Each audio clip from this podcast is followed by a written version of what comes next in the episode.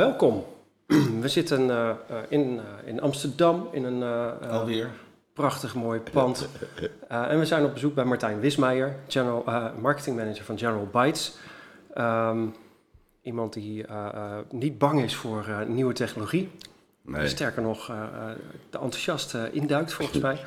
Ehm, wat was jouw eerste kennismaking met cryptocurrencies? Ehm, dat is al een tijdje terug. Ik denk ergens in eind 2010 was dat. En ik zocht op dat moment een betaalmogelijkheid voor een webshop. En wat me opviel is dat voor elke webshop dat je toch een behoorlijke, voor de betalen eh, opties, dat je toch een behoorlijke hoeveelheid red tape hebt. Dus ik kende nog van vroeger, kende ik nog DigiCash. Dat was eh, in de eindjaren 80, eh, begin jaren 90 was dat. Nee, sorry, eind jaren halverwege de jaren 90 was dat in de Science Park. En het was een soort van ja, anoniem digitaal geld. En die jongens van DigiCash die waren er niet meer mee bezig. DigiCash bestond niet meer. Uh, maar sommige daarvan die waren bezig met iets wat, ja, dat heette Bitcoin. En toen ik het de eerste keer zag, dacht ik, oh, het is een soort van Napster. Weet je, dat peer-to-peer sharing eh, ding. Gecombineerd met cash. Dus dat, dat, dat, dat trok me wel, dat idee. Want ja, Napster was leuk, dus Bitcoin is ook leuk. Dus eh, ehm, net toen heb ik een beetje in verdiept. Totdat ik erachter kwam dat mensen zelf hun geld creëren. De miners dat deden. Toen vond ik het eigenlijk allemaal te belachelijk voor woorden. En toen heb ik het gelaten voor wat het was. Ja, Ik dacht dat je ging zeggen, toen ben ik gaan minen. Mm, eh, Ik ben toen wel gaan minen en ik, ik, ben, ik vond het echt absurd. Want ik kon het netwerk niet gebruiken zonder wat bitcoins. Dus dat is, ja, je kan het bekijken van afstand, maar je weet pas echt hoe het werkt als je het een paar keer kan gebruiken. Ehm, dus toen, eh, toen zag ik dus die, eh, eh, ja, dat bitcoin. Dus het leek, het leek me wel, wel aardig. Dus ik dacht van nou, ik zet, mijn computers aan om te minen. En op elke computer kon ik een node installeren, dus een fu- full node. Eh, in, die, in de user interface zat nog een optie van generate coins. Dat was dus de mining optie. Dus dat was allemaal CPU mining. Eh, ik had wel elke computer in de config file verbonden met andere computers. Zodat als er dan wat gevonden zou zijn, dan zouden intern op het netwerk zouden die nodes direct kunnen verifyen dat het oké was. En ik denk dat dat heeft hem aan- mee geholpen, of heeft geholpen om, eh, ja, om, om de door mij geminde coins zo snel mogelijk geconfirmed te krijgen. Want ze hoefden daarvoor niet eens het, het, het netwerk op. Maar dat was meteen werd het lokaal geconfirmed. En, ja, dus, en toen had ik wat coins. En toen dacht ik van ja, Dus je hebt een beetje 51% zitten attacken eigenlijk. Nee, nee, nee. nee, nee, Als, als je namelijk een, een, een blok mined, dan moet je, dat, dat, je kan een blok minen, maar als iemand anders sneller is met het aankondigen van ik heb hem gevonden, dan, ja, dan, dan is je werk voor niets geweest. Dus je moet hem direct moet je hem kunnen confirmen. Dus daarvoor Ja. had ik een paar lokale nodes die dat deden. En, en ik had eigenlijk niet, niet eens zoveel erg in. Het was meer dat mijn computers werden allemaal warm en langzaam. En toen na een week dacht ik van, nou, zo wat, wat is dit? Dit is toch iets serieus fout? Ik dacht eerst aan een virus. En toen kwam ik achter, oh nee, dat is dat, dat bitcoin-ding. Dat draait nog. Dus eh, ja, toen, toen ik 50 bitcoins kreeg je toen als, eh, als- blok. Per blok. Dat Ja. was nog, eh, ja, rijkelijk werden die uitgedeeld. En toen had ik die bitcoins, dacht ik, nou, toch maar eens proberen. En het moment dat ik het probeerde, dacht ik, maar dit is programmeerbaar geld, dit is te gek. Ja, sindsdien een beetje hoekt. Dus even kijken, toen En heeft 2000... welk jaar hebben we het ongeveer? Het is 2010 was dat. Maar er was nog geen waarde, er zat geen waarde aan bitcoin. Er was gewoon geen enkele waarde. Dus je, hebt, je, hebt Ja, je kon het nergens kwijt. eh. Nee, het duurde tot 2011 en toen kwam Mount Gox kwam daar. En er zaten in Amerika wel een paar exchanges, maar dat was Amerika en betalingen naar Amerika is altijd lastig. Dus dat liet ik voor wat het was. En toen kwam Mount en, en die Mark Capelis via een Franse rekening en een, een Tiban Inc. in Tokio kon je dan je geld overmaken of je bitcoins uitcashen. Ja. Dus ehm, toen ik, had het wel wat waarde. Dus heb ik eigenlijk best wel veel bitcoins verkocht tegen echt een heel laag bedrag. Eh, dus iedereen heeft zo zijn pizza momentje, denk ik, gehad met bitcoins. En, en toen ben ik op een gegeven moment ja, wat meer in gaan verdiepen. Ehm, het, het, het, de on-ramp was heel lastig. Het was heel moeilijk om, ehm, om cash in bitcoin te krijgen. Of om, om andersom, om, om bijvoorbeeld eh, eh, je bitcoins te verkopen. Dat was, gewoon, dat was gewoon heel erg lastig in die tijd. Eh, dus toen ik die geldautomaten zag, eerste geldautomaat was een BTC-Matic en toen was er Lamassu was er toen. En had je nog, wat was die andere, Robocoin kiosk. Uh, toen zijn, ben ik, eigenlijk ben ik gewoon alles gaan bestellen. Elk merk wat ik tegenkwam, daar kocht ik besteed ik een bestelling. Omdat 90% kon toch niet leveren. Ik bedoel, ik heb jaren gewacht voordat ik eindelijk van Amazon mijn geld terugkreeg. Maar een ATM heb ik nooit gezien van ze. Uh, de Robocoin was al failliet nog voordat ze aan mijn order bezig, uh, met mijn order bezig waren. Dus eigenlijk, ja, toen ben ik door General Bytes, stond ik op de Bitcoin 2014 beurs in, in, hier in Amsterdam in de passagiersterminal. En onze buurman, dat was mijn huidige zakenpartner, uh, businesspartner, uh, Karel van General Bytes. Dus toen, die zei, die, af en toe zag ik zo'n kopie zo om het hoekje komen van ja, wij hadden ook een automaat. Of die van ons wel werkte en hoeveel mensen er bij onze stand stonden. dus Nee, u kreeg die ATM van, van BTC Matic niet aan de praat. Het was een vreselijk soort van Russisch kioskmodel. En die stond fixed op BTCE. Ik weet niet of wat je daar, Ja. of dat, dat is die... Een, een specifieke exchange. Ja, bleek later een, een nogal criminogeen gebeuren te zijn daar. Want al die malware eh, en ransomware types, die gingen die exchange gebruiken om hun coins uit te wisselen. Dus in principe alles BTCE was gewoon best wel suspect. Ehm, maar het werkte, eh, we hebben dat een tijdje gebruikt. Mm, Maar ik zag al op de beurs toen, de Bitcoin 2014 beurs, de enige automaten die echt werkten daar, waren die van Karel van General Byte. Dus ik had gezegd, nou, voordat je terug gaat naar Praag, ik wil jouw automaten kopen. Nee, dat kan nog niet ge- gekocht worden. Ze zijn nog niet te koop. Ik zeg, maar ze werken toch? Ja, maar het product is nog niet af. Ik zeg, maar niks is ooit af. Dit werkt goed genoeg. Ik wil die dingen hebben. Dus toen, eh, wat was het? Eh, twee automaten gezegd dat ik ze wil hebben. Toen drie automaten betaald. En ik had voor vier automaten had ik het geld overgemaakt. Ik dacht van ja, start-up, er moet wel in elke step moet er een verrassing zijn. Dus, ehm dus kreeg die automaten. En, en toen ben ik ze eigenlijk hier in Amsterdam en Arnhem een beetje gaan, gaan, gaan exporteren. Dat was ook een beetje, ja, we wilden gewoon bitcoin groter maken. En, en hoe doe je dat? Denk ik, de makkelijkste manier was om het tastbaar te maken. Weet je, want het was... Het Want wat, mensen- wat konden mensen dan met een bitcoin eh, op dat moment konden ze alleen maar geld instoppen. En ze konden crypto, bitcoin in de tijd. Geld was Cash, ja, cash, ja. Dus briefjes van 20. en Ja, 20, 50. Wat is het? 200, 500 kon ook nog die paarse. Ja, ja. Nee, die waren er niet zoveel hoor. Maar sommige mensen, ja, die, die, Die hadden dat dan wel. En wat krijg je dan? Een QR-code? Eh, je, kreeg, een- je kreeg op de, je, je scande dus met je, met je telefoon, scande je dan je, eh, eh, je, je QR-code. Dus je, je, je, Daar had je je een public wallet key. op en dan zei je van hierop uh, wil ik Precies, dat wel een ontvangen. scan. En op het moment dat je er geld in begon te stoppen, dan zag je hoeveel je aankocht. Was je klaar, druk je op oké en dan, pling, dan kwam het op je telefoon. Het klinkt nog wel vrij magisch. Als Ja, dat was, het, het was ook een beetje. Want we we liepen langs de. eh, er zit er zo'n, zo'n, zo'n, ja, de oude in de rode buurt zit zo'n stripclub. Wat is dat? De Casa Rosso. En er staat altijd nou niet zulke. Dit is niet zo'n chique bar. Maar, maar die hadden daar twee van die bouncers stonden daar buiten. En Een understatement van toen, de ja, toen ik naar naar huis liep, en we hadden op de Zeedijk hadden we er, eh, een automaat staan. Toen ik naar mijn huis liep, toen hoorde ik zo over bitcoins. Dus ik ben even gestopt en gewoon even mijn oor te luisteren gelegd. Toen, ja, je kan nu bitcoins, wat is bitcoins? Ja, dat zijn van die muntjes op je telefoon. Oh, en ja, dan kan je dan gewoon kopen met cash. Ja, dan kan je gewoon kopen met cash. Ja, maar hoe ziet het er dan uit, zo'n bitcoin? Dus je hoorde echt, mensen begonnen daar in de buurt over te spreken. En dat, dat vond, ik, vond ik wel heel aardig, want daarmee was ook dat mogelijk om die brug tussen virtueel geld. Ja, nou ja, ik ben nu van mening dat het geld in mijn bankrekening is vele malen virtueler dan Ja. de bitcoiner, bitcoins. Maar ehm, je kon het connecten met de real world. Ja, En- en- maar het zegt misschien ook wel wat dat er juist op die plek over gesproken werd. Want de, eh, plekken waar veel cash rondgaat. Ja, Ehm, cash verdwijnt langzaam, denk ik. En, en, en dat is niet altijd goed. Ik bedoel, we moeten toch een beetje financiële privacy hebben. En zo'n plek als Casa Rosso, ik bedoel, dat zijn, wat hebben ze daar, strip, stripshows en zo. Dus ik kan me voorstellen dat eh, daar mensen naartoe gaan die niet willen dat in ieder geval iedereen thuis weet dat ze naar de Casa Rosso zijn gegaan. Dus ik denk, cash heeft wel een toepassing.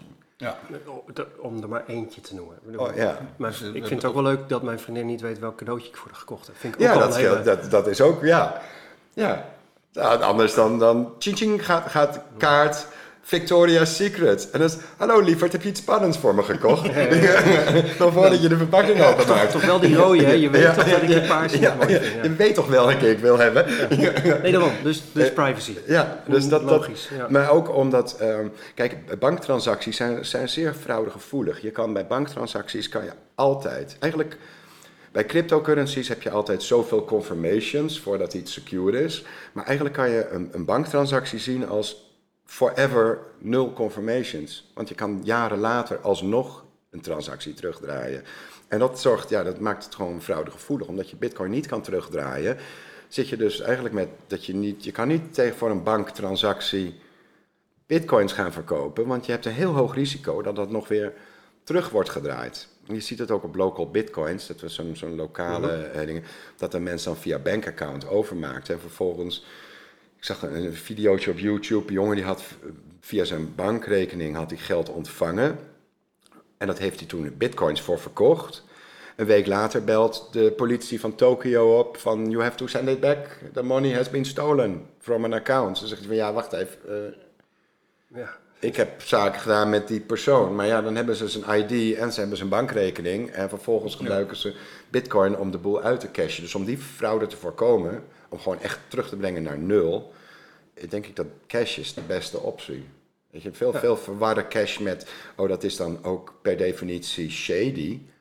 Ah, maar daar ben ik het niet zo mee eens. Ik bedoel, er zijn tig manieren om te controleren of iemand zijn identiteit ook klopt. Ik bedoel, dat... eh, al die, en toen niet, maar Ik tegenwoordig. zeggen, alle toen kon iedereen die zijn, eh, zijn klussen zwart betaald had gekregen, kon even langs de Bitcoin ATM. Ja, om dat in te wisselen. En tegenwoordig zie je, er, is de, eh, er zitten camera's op, eh selfie-camera's, eh, identity scan, eh, telefoonnummer, one-time pin om te checken of Dat doe je is. allemaal, dat Ja, dat dus dat, al die functies zitten er allemaal in. Eh, checken van no-fly lists. Dus dan is het handig als je dus identity hebt gekeken, staat iemand op een no-fly list. Er is geen wet die verbiedt dat je mensen die op een no-fly list staan geen bitcoins mag verkopen. Maar ja, als iemand op een no-fly list staat, dan, ik bedoel, weet je, zelf denken, dan wil je ze ook geen bitcoins verkopen. Oh, maar wacht even, dit is wel, wel een mooi voorbeeld van hoe lijstjes dan ook heel makkelijk tot andere soorten gebruik zo- leiden. Hè? Ja, het is, het is een OFAC, Designated Nationals List. Ja. Ehm, de Europol heeft ook een aantal... eh, Maar gewoon- daar staan false positives op. Af en toe duikt er eentje, hè, er weer Ja, iemand ja. op die daar ten onrechte op staat. En kan, je kan dan ook... Dan kan je geen bitcoins meer Nee. kopen. Nee. Er staan er zoveel false positives op. Zouden er mensen zijn die hun ex bijvoorbeeld erop laten zetten op die lijst, als ze die mogelijkheid hebben? Wraak Bitcoin ja. in plaats van wraak porno. ja, ja. Dus, eh, je zegt van nou, de, eh, ik heb genoeg van mijn ex. Weet je, je zet de ex gewoon op die no-fly list. En dan vervolgens kunnen ze niet eens meer naar Disneyland bij spreken. Ja, ja, ja, maar er zijn wel ook gevallen bekend geworden van persoonsverwisseling. Oh, Eh, oké, eh, ja. En dat is ook lang niet altijd per se opzettelijk. Maar goed, we, we dwalen een klein beetje af. Oh ja, Initieel konden mensen daar gewoon hun, hun Ja, flappen in doen. in- en, en ging dan jij er één keer in zoveel tijd langs om dat bakje leeg te Ja. halen. En Ja. dan eh, Nou, ging je naar de bank of zo. Ik vind het toch wel interessant. Eh, om- dat, dat was een probleem, ja. Ja. ja. Ja. Want de bank wilde niet, Die wilde wel weten waar jij al die... eh, die wilde, nee, die wilde niet, de afstorten in Nederland is altijd een probleem geweest bij banken. Ja. We, hebben- we printen geld, maar we willen het vooral niet terug hebben in de bank. Nee. Nee. En we maken ook meer geld aan als je zegt van ik wil een hypotheek hebben. Dus dat, dat was echt een probleem. Dus wat ik heb gedaan is ik, via eh, ja, community gewoon ben ik, eh, mensen die veel bitcoins hadden, traders, sommigen waren early miners. Anderen zaten gewoon op zo'n berg bitcoins dat ze geen idee hadden wat ze ermee moesten. En ook toen was exchange was, was nog lastig. Weet je, er waren maar weinig exchanges. Dus ehm, wat ik deed is, ik liet dan per automaat maakte ik een wallet aan. En die koppelde ik aan een trader. Dus de trader of de groot bitcoin handelaar of degene met de veel bitcoins, die had dus een eigen walletadres. Daar kon hij dan monitoren. Daar kon hij, moest hij voor zorgen dat er altijd genoeg bitcoins in waren. Het cash wat eruit kwam, minder commissie, eh, onze commissie, die betaalden we direct uit. En we hielden wel rekening met maximale hoeveelheid cash die je per persoon per maand kan uitwisselen. Ik geloof dat was iets van 15.000 euro of zo. Maar hield het altijd daaronder. 14.999 sorry, 14.990, want hij pakte geen euro's. Dus we zaten altijd eronder en dan wisselden we gewoon om. Andere trader, uh, andere wallet. Nou, als je dus gewoon over de counter noemen we dat toch? Ja, OTC. Ja, ja, ja. hele vriezer lag vol met cash toen. Gelukkig, ik kan het nu wel zeggen, want toen deden we, nu, nu, nu, nu doen we dat niet meer.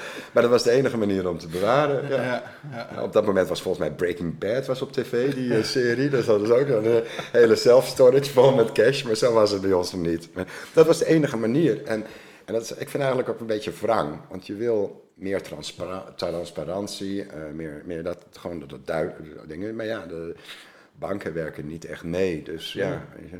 En hoe is het nu dan? Want je, we hebben nu allemaal uh, eigenlijk KYC en ELM uh, eh, toepassingen in die machine gebouwd.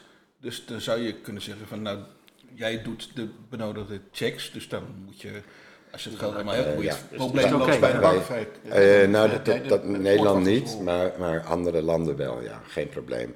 Um, in de Verenigde Staten zien we nu ook dat uh, uh, veel van die money transport services, weet je, met zo'n waardetransport, met zo'n gepanzerde truck, die, die kunnen dat gewoon uh, ja, in hun routine meenemen. Dus, dus sommige van onze klanten die, die draaien echt dermate hoge omzet in verschillende Amerikaanse staten. Die kunnen niet overal zelf bij die automaten gaan. Die hebben gewoon zo'n dienst die voor hun al die automaten afgaat. Uh, dat was wel een verandering nodig. We hebben speciale sloten nu op die, op die ATM's, waardoor degene uh voor het waardetransportbedrijf gewoon met een code kan die dan dat openmaken, zodat er een logfile is van wie het heeft opengemaakt, wanneer het heeft opengemaakt. Um, het is, dat helpt wel. Uh, het is ook om liquiditeitsproblemen op te lossen op die manier, want bij dat soort bedrijven, als je dus je automaat geleegd is, of eigenlijk als het al in de automaat zit het geld, dan krijg je het al gestort op je rekening. Dus zij nemen eigenlijk het risico over van het, het afstorten, maar ook het ophalen. En, en, het moment dan dat, dat er dus geld in zo'n automaat gaat, met een extension in de software gaat er een seintje naar, naar dat bedrijf. En op dat moment betalen ze je ook al. Dus dat geeft, geeft veel makkelijk. Liquidity is, is gewoon geen issue meer. Terwijl anders zit er heel veel geld in die automaten. En dat is eigenlijk ja, bevroren geld tot het moment dat ze eruit worden gehaald, geleegd worden, naar de beurs worden eh, afgestort worden, naar de beurs worden gebracht en er weer nieuwe crypto voor gekocht wordt. Dus dat, dat, uh, dat, dat heeft wel heel veel geholpen om, om ja, eigenlijk de markt te professionaliseren. Goede service, ja. In de, ja, sorry. Ja, nee, dit, dit is, ik, ik uh, denk dat ik het me ook weinig kan voorstellen, um, omdat ik als Nederlander, ik, ik ben op een gegeven moment gewend geraakt aan uh, pinautomaten, waar ik dan... En de chipknip. Eh, euro's eh, uit kon halen. Eh, en ondertussen gaat alles met, gewoon met de pinpas of met ideal betalingen ja. enzovoort. Dus ik heb al bijna nooit meer muntjes en papiergeld in mijn boekzak. Nee, echt heel weinig. Um, dus ik, ik ben me ook dus ik vind uh, uh, bitcoin aankopen, verkopen, dat gaat ook allemaal via mijn computer. Dus ik hoef dat soort dingen niet op straat te doen. Dus ik heb een slecht beeld bij voor wie een bitcoin of een crypto ATM uh, dan handig is. Oh, wij, wij foto's, krijgen af en toe foto's toegestuurd van klanten. En we hebben een foto een paar maanden terug van echt 80-jarige vrouwtjes die daar met hun telefoon staan. Die zijn met z'n drieën zo rond zo'n ATM. Of, of een uh, police officer in, in, in, in Praag die dan even in zijn vrije tijd toch eventjes besluit om even wat bitcoins bij te kopen. Weet je? Dat, dus ik denk dat dat voor iedereen, als je op vakantie gaat, het eerste wat je waarschijnlijk doet, is je loopt naar een geldautomaat op de airport om wat cash eruit te halen. Um, dat doe ik niet. Als ik in Praag ben, dan, dan loop ik naar, ga ik naar een bitcoinautomaat. Uh, ik pak een Ubertje naar de eerste beste bitcoinautomaat. En daar stop ik gewoon wat bitcoins in en haal ik cash eruit. Dus ik gebruik weinig... Het werkt ook die kant op? Ja, het is nu twee weg. Ja, nu is het allemaal alles... Uh, we hebben nog wel automaten die alleen maar crypto verkopen en cash accepteren. Maar merken dat het grootste gedeelte van de verkopen nu zijn alleen maar voor automaten die beide richtingen doen. Uh, En niet alleen maar Bitcoin, Bitcoin, Litecoin, Ethereum, Dash, Monero en ik geloof nog 40 andere shitcoins erbij. Weet je, dus wat dat betreft, uh, ja, weet je, ik kan niet, wij, wij beslissen niet voor iemand, ja nee, dit is, de Bitcoin is de enige coin. Of Ethereum gaat het helemaal worden, de rest is allemaal onzin. Ja, okay. Weet je, dus one man's gold is another man's shitcoin. Dus ja, weet je, het is niet aan ons om te beslissen wat ze nou wel en Dat niet is een mogen eh, kopen. goed zakelijk eh, standpunt. Het is, het is open ook, dus als de Ja, Efteling verstandig. zijn eigen coin begint, de Efteling coin, dan kunnen ze die zo toevoegen. Wij, gaan werken de daar geen social media platform, eh, Ja. Ja, ik zou niet weten wie, maar... nee, oh, oh ja, of een event. Oh, eh, dan je kan je eigen, of je doet je ICO en je hebt je eigen token. En al niet eens je eigen blockchain, maar je eigen token op bijvoorbeeld de Ethereum blockchain. Alle ERC20 tokens zijn supported. En ik denk dat is wel belangrijk om, om niet een oordeel te gaan vellen voor onze klant. Snap je wat ik bedoel? We hebben, ja, Maar, maar dat betekent dat het ook de andere kant op kan werken. Dat jij kan zien van we ondersteunen ze eigenlijk allemaal. Dus je kunt ook makkelijker zien welke meer gebruikt worden dan andere en Ja. de ontwikkelingen daarin. Ja, je merkt heel duidelijk, Bitcoin is echt king of the hill wat dat betreft. Uh, in Nederland, in elk land zie je een populaire altcoin. Uh, maar je ziet heel duidelijk dat in, in Nederland is dat... Ja, in elk land is eigenlijk Bitcoin is het grootste deel van de markt. Maar daarnaast heb je in elk land een soort favorite altcoin, zeg maar. Ik bedoel, Ethereum een altcoin noemen is niet helemaal goed. Het is een duidelijk heel ander platform, is niet zomaar een kopie. Maar in Nederland zie je heel duidelijk Bitcoin, Ethereum. De Belgen, not so much. Bitcoin, Monero. Uh, Praag of Tsjechië, Bitcoin, Litecoin. Waarom? Niemand gebruikt Litecoin, transacties zijn goedkoop, prijs is laag, dus up, Litecoin het is. Maar in andere landen, bijvoorbeeld in Florida, helemaal gek van Dash. Dus dan zie je gewoon dat Dash en, en Bitcoin nek aan nek. De, dus ja, ik vind dat, dat wel leuk. Je ziet per land zie je een lokale coin eigenlijk. Data wil ik wel eens een keertje mee spelen. Ja, ja, dat, ja, ik, ik zie dus niet, ehm, ik zie dus niet de trans, wij zien dus niet de transacties die mensen maken op onze automaten. Wij verkopen, we maken de automaten en verkopen ze. Eh, maar ik zie aan, aan wie wat support, eh, dat, je, dat je qua altcoin support, dat, dat, dat verschilt heel erg per, per land. Maar wie, wie, ziet, wie ziet dan die data wel? Ehm, Eh, kijk, degene die de automaat zelf gekocht heeft, krijgt een dashboard. Correct. En, Correct. Dus iedereen draait zijn eigen software. Eh het is eigenlijk decentraal. Nou ja, in zoverre decentraal. Het is, bedoel, als, als je zegt 20 automaten in beheer hebt, dan connecten die wel allemaal aan één server. Dat is jouw server. Het heeft geen zin om, om, om, om je, je coins te verdelen tussen je linker en je rechterbroekzak, zeg maar. Nee. Dus, dus ja, bedoel, dat is nog steeds jouw broekzak. Dus je, je, als, als, als bedrijf die die automaten exploiteert, heb je één server setup en waar al je automaten aan connecten. En die data die, die zien wij niet, omdat het, dat is decentraal. Ik bedoel, het is ook niet onze transactie to begin with, weet je. Het, is, eh, zijn hun transacties. En we houden niet ehm, onze vingertjes in de portemonnee van onze clients, dus dat zien we niet veranderen nu wel het businessmodel. Uh, we zien dat er ontzettend veel market consolidation is. Dus de, de kleinere ATM-operators die stoppen ermee. En het zijn de grote die dan hun automaten opkopen. Daarmee merken we ook dat er minder, ook, ook minder nieuwe klanten voor ons die een Bitcoin-automatennetwerk beginnen. Uh, omdat het gewoon moeilijker is geworden om, om, om dus, dus- dat te starten. Dus consol- consolidatie aan de klant van jullie Ja. klanten. Ja, dus qua ATM-exploitanten is daar een enorme consolidatie in de En waarom is het moeilijker geworden? Is het is um, um, moeilijk om een bankrekening te krijgen. Uh, ja, je regulering is er één van. Het is, het is gewoon op alle manieren wordt het, wordt het eigenlijk vanuit de reguleringen wordt het steeds moeilijker Hmm. om dus alles op, op orde te krijgen om zo'n bedrijf te runnen. Dus dat betekent aan de ene kant, ondanks dat de prijs van bitcoin weer omhoog gaat, uh, minder klanten voor ons. Uh, maar dat wordt eigenlijk nog verergerd, omdat, omdat veel van de kleinere die stoppen ermee. En het zijn de grote, uh, grotere clients van ons die dan dat oppakken. En we zien gewoon, ja, sommigen draaien tientallen miljoenen per maand aan omzet. Ik bedoel, dat is echt gigantisch, die omzet. Dus die hebben gewoon echt een groot netwerk. Ja. En omdat we dus ja, eigenlijk altijd de support en de software upgrades vanuit de nieuwe sales betaalden. Weet je, we rekenden niet voor support en upgrades. En dat waren gewoon de nieuw verkochte automaten, die, die steady stream van inkomen. We hebben ook gemerkt dat we moeten wel ons businessmodel veranderen. Dat we ook wat rekenen voor de support Ja. en voor de software upgrades. En daarmee hebben we dan in ieder geval uh, verzekerd dat we altijd onze clients kunnen blijven supporten. Het is ook een beetje onze verantwoordelijkheid om te zorgen dat het blijft draaien. Maar het maakt je toch wel kwetsbaar, zo'n ontwikkeling. De... Ja, maar ja, dat is, dat is een nature van business, denk ik. Niet? De enige garantie is dat alles blijft veranderen. Ja, dat is wat je zeker weet, ja precies. Maar, Maar er, is, laat- er is nog geen klant geweest die jouw spullen uit elkaar heeft geschroefd en het eh, zelf is gaan bestellen. Dat is, dat is moeilijk. Dat is gewoon heel moeilijk. We, hebben onze eigen moederborden gemaakt, eh, onze eigen software geschreven. Hardware is allemaal heel specifiek. Eh, we hebben wel gezien dat mensen ja, op een hackathon met Lego gingen zo'n geldautomaat in elkaar knutselen. Nou Ja, geweldig, leuk.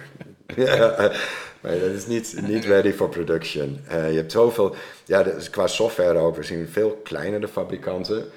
Maar ja, na drie jaar hebben ze nog steeds misschien 20 automaten verkocht. Nou, zelfs al zou je daar een percentage op pakken, daar kan je, daar kan je er niet de schoorsteen van laten roken. Dus ik denk dat we wel genoeg voorsprong hebben al om dat niet makkelijk te maken, in ieder geval voor een... Voor een Want, want hoe ziet het speelveld er nu dan uit? Want je hebt net, eh, toen je de geschiedenis een beetje Ja. schetste, zei van nou, ik heb gewoon geprobeerd van elk apparaat waar ik Ja. kwam, ik er eentje te kopen. Dus toen was er wel het een en ander te krijgen.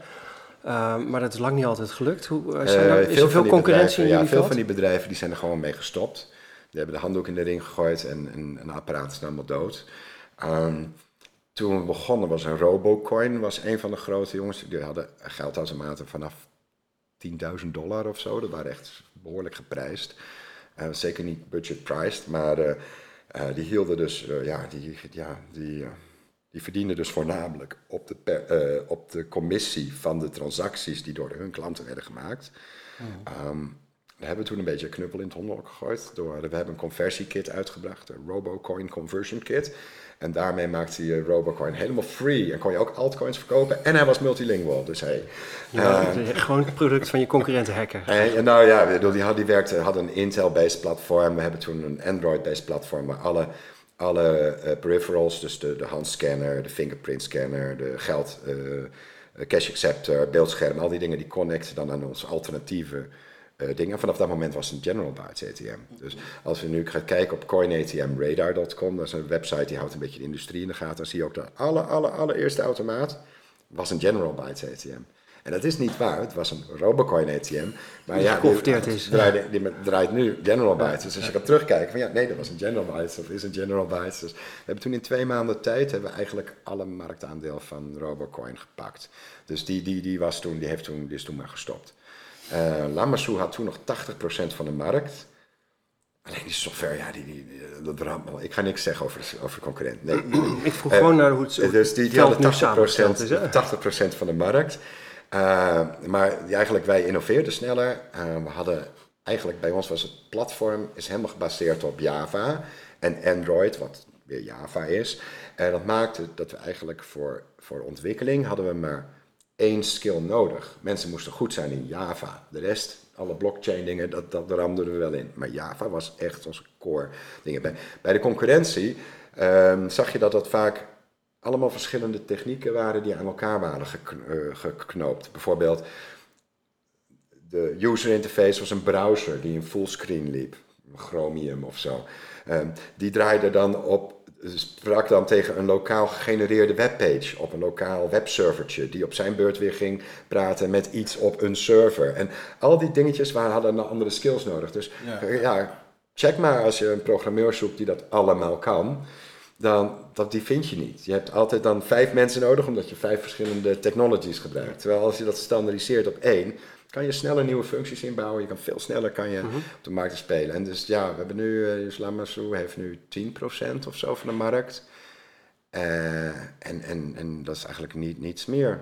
Nee, we hebben vier of vijf keer zoveel automaten in de field staan. En jullie verdienmodel was ook afwijkend, als ik goed begrijp van jullie? Uh, ja, wij, wij, wij hadden... Verkochte machines. Verkochte machine en de software was gratis. En als je vragen, vragen hebt of support, bel maar op. Oh jee, de telefoon is veel in gesprek, we huren meer mensen in.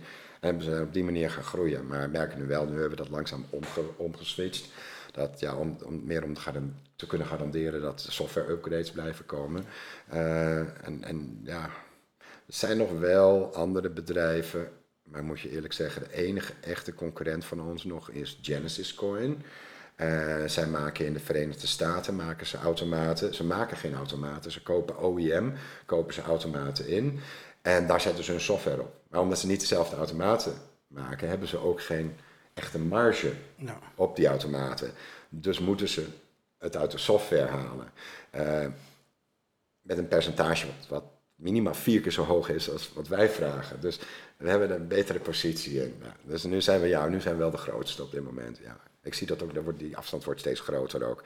Dus ik zie dat ook niet veranderen. Kijk, het is begrijpelijk als mensen dus gaan met wat voor platform kies je.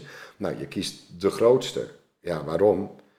Omdat dan is de meeste kans op dat je nog support hebt in de toekomst. Dat is, eh, Ja, ja, ja. Dat is, dat dat is logica in. Hey, en, eh, en, en staan jullie automaten echt over de hele wereld? Ja, Alle ik- werelddelen? Ja, eh, eh, nou, eh, eigenlijk wel alle werelddelen. Ja, nou, Antarctica is ook een aparte werelddeel. Oh ja, hebben geen. Nou, daar- woont daar- dus niemand. Binnenkort- kijken binnenkort, Coin, ATM eh, Radar. Het wordt Dat- steeds bewoonbaarder. Ja, ja. dat is, dat duurt niet Eh, lang de- meer. Co- Coin ATM Radar is een, eh, is een website waar eigenlijk iedereen zijn ATM registreert. En als je dan gaat kijken online, dan zie je eh, welke, welke ATM's er in de buurt zijn. Als we dan eens kijken, General Bytes, we hebben 1564 machines zijn er momenteel online. Onze dichtstbijzijnde concurrent Genesis Coin heeft 1517 machines online. Eh, Lamassu is de derde, maar die heeft maar 452 machines online. Dus dat is eigenlijk, ja. En daarna krijg je eh, BitAccess, CoinSource en, en de rest van het kaartje. Nou, dat gaat niet eens af. Dus dat, dat, is, dat telt niet meer. Dus, eh, Maar eh, het schoot me net in het hoofd, want ik maakte een grapje voor welk social media platform zouden dat doen. Maar de Facebook heeft aangekondigd dat zij ook een, eh, een munt gaan eh, gebruiken, lanceren. Ehm, dat zou wel eens heel erg interessant kunnen zijn. Dat zou een enorme boost kunnen geven, ook aan jullie business. Omdat hele gewone mensen, eh, die namelijk allemaal Facebook gebruiken, zeggen... oh, nou, ik wil wel eh, wat eh, van die Libra... Oh, mijn Libra's zijn op. Even naar de... even, even naar de ja, automaat. ik, Libra maar ik, denk dat dat zal meer gaan via, wat is het? Visa was een partner, Mhm. PayPal was een partner, geloof ik, of niet?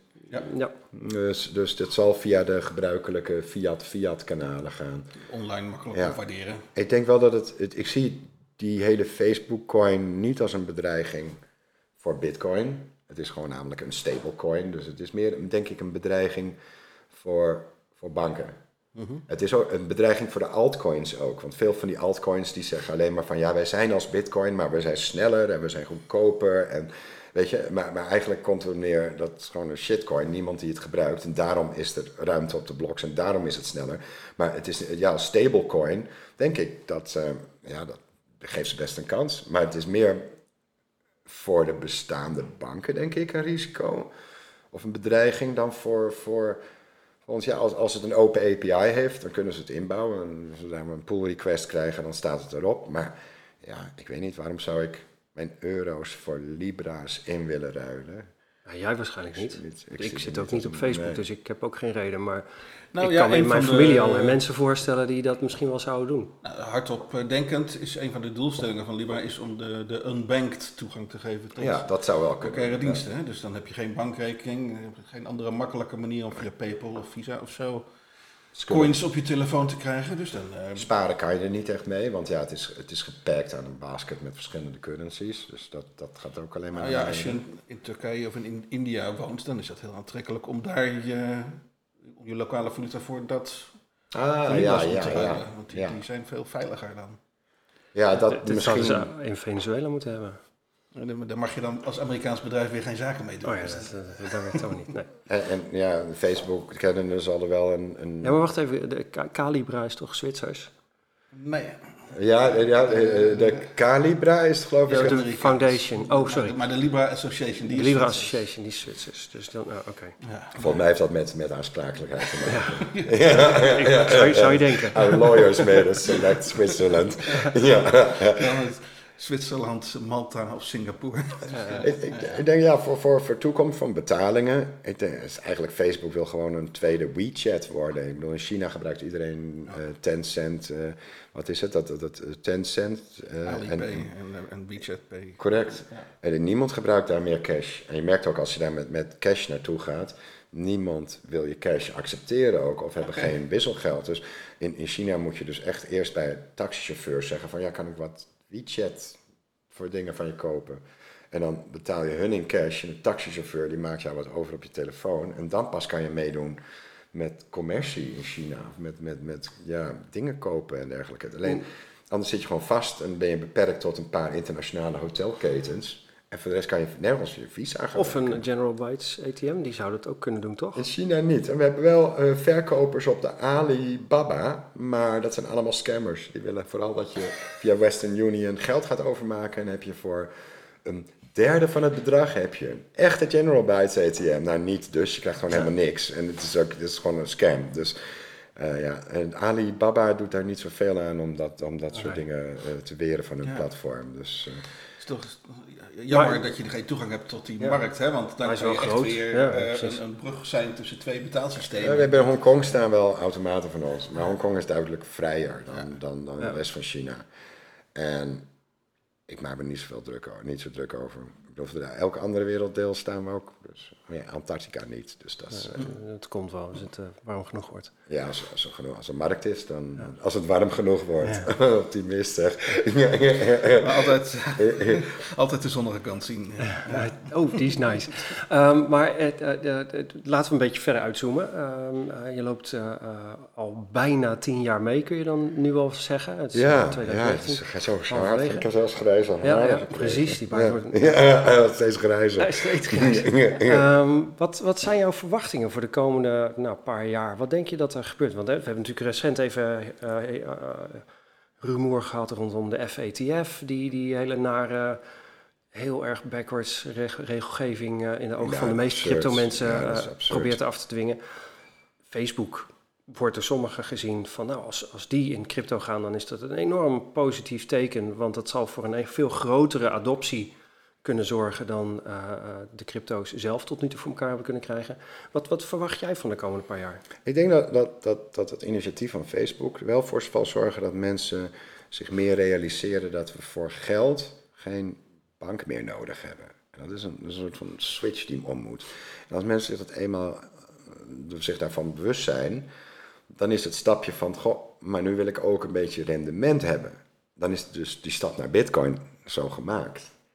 Ehm, Ja, want, Ja. Want, want Libra is gewoon geld wat je vandaag hebt en vandaag uitgeeft. Dat ga je niet sparen. Nee, nee, dat is niet, ja, dat is niet, een, een- dat is, dat is niet, een, dat is niet iets waar je, dat je gaat sparen. Nee. Nee. want ik bedoel, Facebook vertrouw ik al niet eens met mijn vakantiekiekjes. Dus laat staan met mijn spaargeld. Nee, absoluut niet. Eh, Bitcoin daarentegen, over, langer, over de jaren gezien, heb je gezien dat het toch steeds meer omhoog gaat. Dus ja, is een beetje waar we niet meer kunnen sparen, omdat we continu bij spreken fiat hebben bijgedrukt, de quantitative easing. Ik denk dat dat nog wel blijft, want ik bedoel, op het moment dat er de grote crisis, de crisis der crisis komt eraan. Dus dan, dan ja, in traditioneel gaan we altijd geld bijprinten in zo'n crisis om de economie weer aan te jagen. Maar ja, guess what, die printers die stonden al op maximale snelheid te printen. Dus ehm, die optie valt dan weg. Dus dan komt die crisis alleen nog maar harder aan. En elke keer als er iets slecht gaat met de economie, ik denk dat dan, dan kiezen mensen voor Bitcoin. Het is een soort van safe haven om je te beschermen tegen eigenlijk, ja, Ja. En Libra kan eraan bijdragen dat het, dat het als normaler gezien wordt. Dat het, voor Het meer helpt de mensen een beetje opvoeden, denk ik, Ja. om, om, om te zien van ja, ik heb geld, maar zonder bank en ik heb ook geen bank meer nodig. En uiteindelijk is dat ook waar we toch, denk ik, een beetje naartoe gaan. Ik bedoel, dat, we gaan niet meer naar een boekenwinkel, we hebben een Kindle. We gaan niet meer, eh, we gaan niet meer naar een videotheek, weet je, dat bestaat niet eens meer. We hebben gewoon Netflix. Dus waarom gaan we dan nog wel naar de Rabobank? Dat is toch eigenlijk heel raar als je erover denkt. Maar ik- dat is toch helemaal niet meer nodig? Ik kom ook al jaren niet meer in het In bank. kantoor überhaupt, Ja. als je ze altijd weet te vinden. Maar ik zit bij Bunk en volgens mij Nee, hebben die niet eens nee, een er is- fysiek er is een kantoor. kantoor waar gewerkt wordt. ja. Dus dat, eh, ik- ik- heel veel veranderingen. Eh, toekomst kan ik niet echt voorspellen. En ik denk wel dat eh, de crypto, dat het gaat zo een grote vlucht nemen. Ik denk waar vroeger mensen een spaarrekening hadden, denk ik dat ze eerder geneigd zijn om wat crypto te kopen. Wat bitcoin of whatever shitcoins er op het pad komen. Maar in ieder geval, ik hoop dat ze beseffen dat ze beter bitcoin kunnen kopen. Maar dan ik dat zal ervoor zorgen dat, dat er minder geld naar de banken gaat. Nou, die banken die printen hun eigen geld, dus dat maakt niet zoveel uit. Maar het is meer, eh, we hebben, ja, het is gewoon, kijk, ik zie dus zelf mijn, mijn, mijn vader, die is in de 70.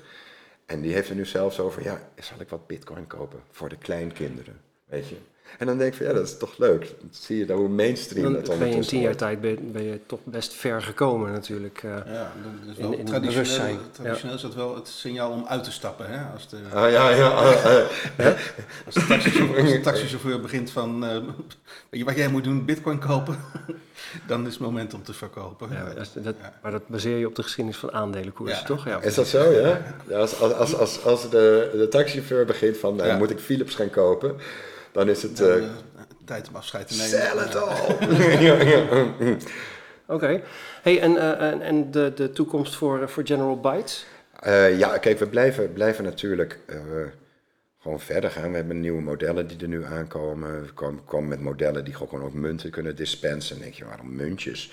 Ja, ik bedoel, in sommige gevallen is het misschien handig als je het... dingen- Voor remittance denk ik dat, we, dat onze automaten meer gebruikt gaan worden. Dus voor de geld versturen, zoals de Western Union-achtige toepassingen. En de softwarehoek zit er nu allemaal in, dus mensen kunnen dat zelf gewoon vrij, vrij eenvoudig hun eigen remittance eh, opzetten op die manier. Ehm, ik denk wel om dat groter te maken. Ik besef wel dat we kunnen niet overal een General Bytes ATM neerzetten. Dus we zijn wel op zoek nu naar fabrikanten van geldautomaten, bestaande geldautomaten, om onze technologie, we hebben dus die Crypto Application Server, om dat te gaan integreren in bestaande geldautomaten, zodat je ook bij een gewoon een, een, een bankautomaat, nou ja, nu zal de bank dat niet snel doen, maar een Euronext of zo, Euronet, weet je, die, die, die, die geldautomaten die je bij winkels ziet staan, Ja. die zouden dat inderdaad, denk ik, vrij makkelijk kunnen inbouwen. En op die manier dan hun, hun crypto kunnen verkopen via die geldautomaten. Eh, en daarmee maken we eigenlijk hun bestaande ATM-netwerk ook geschikt voor crypto. Zij zijn weer toekomstzekerder, want ook zij zien hun, hun de cashmarkt in elkaar eh, eh, ja, toch, wel, toch wel imploderen.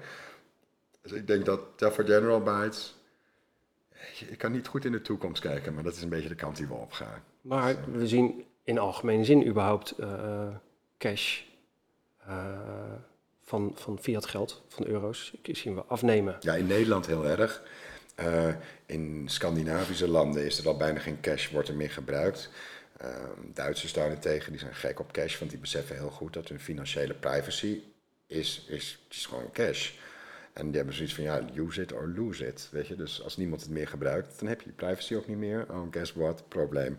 Eh, Oost-Europese landen, daar zie je dat er is een, van nature al wantrouwen tegen de overheid. Ik bedoel, ze hebben al jarenlang hebben ze communisme gehad, dus eh, politicus, die vertrouwen ze echt niet. en dat, dat is nog heel sterk aanwezig. Dus ik wil ook heel veel een soort van drang naar onafhankelijkheid. Verenigde Staten, nou, ik zie dat cash-transacties voorlopig nog niet weggaan. Ik bedoel, wij moeten die rappers dan mee zwaaien, weet je wel. Ja. Dus dat, eh, eh, ja, en, en bovendien het betalingssysteem daar is zo, zo brak, dat, dat, dat, dat de cash is daar vaak gewoon nog echt heel belangrijk. Ehm, ik, ja, ik denk wel dat het is een goede manier om de onboarding te doen voor crypto, omdat het, het is heel direct. Gaat het mis, dan is er altijd een telefoonnummer wat je kan bellen. Het is niet zo eng als eh, al mijn geld is overgemaakt naar Tokio en naar een bitcoinbeurs of zo. Dus dat, eh, de- het, het, is, het is direct en makkelijk en niet voor iedereen begrijpbaar. Dus ik, ik zie daar wel de komende jaren toch wel echt nog wel eh, een groei, groeimarkt in. Terwijl dat de markt verandert. Niet meer de kleine mom en pap type of businesses die denken van we hebben een hotel en onze zoon die doet iets met bitcoin. Dus we hebben hem een bitcoin automaat voor zijn verjaardag gegeven. Nee, dat is niet meer. We zien nu echt meer bedrijven die, die, die, die ja, voorbeeld, eh, ken je Redbox nog van vroeger? Dat was in Amerika zo'n keten. En dan had je een soort van kastje. En dan kon je dan een DVD uitkiezen. En dan gooide je dan wat geld in. Of je scande je lidmaatschapkaartje. En dan kreeg je die DVD mee. En aan het einde van de dag of volgende dag gooide je die, DVD weer in de box. En dan werd die weer gesorteerd. En dan was die weer beschikbaar voor verhuur.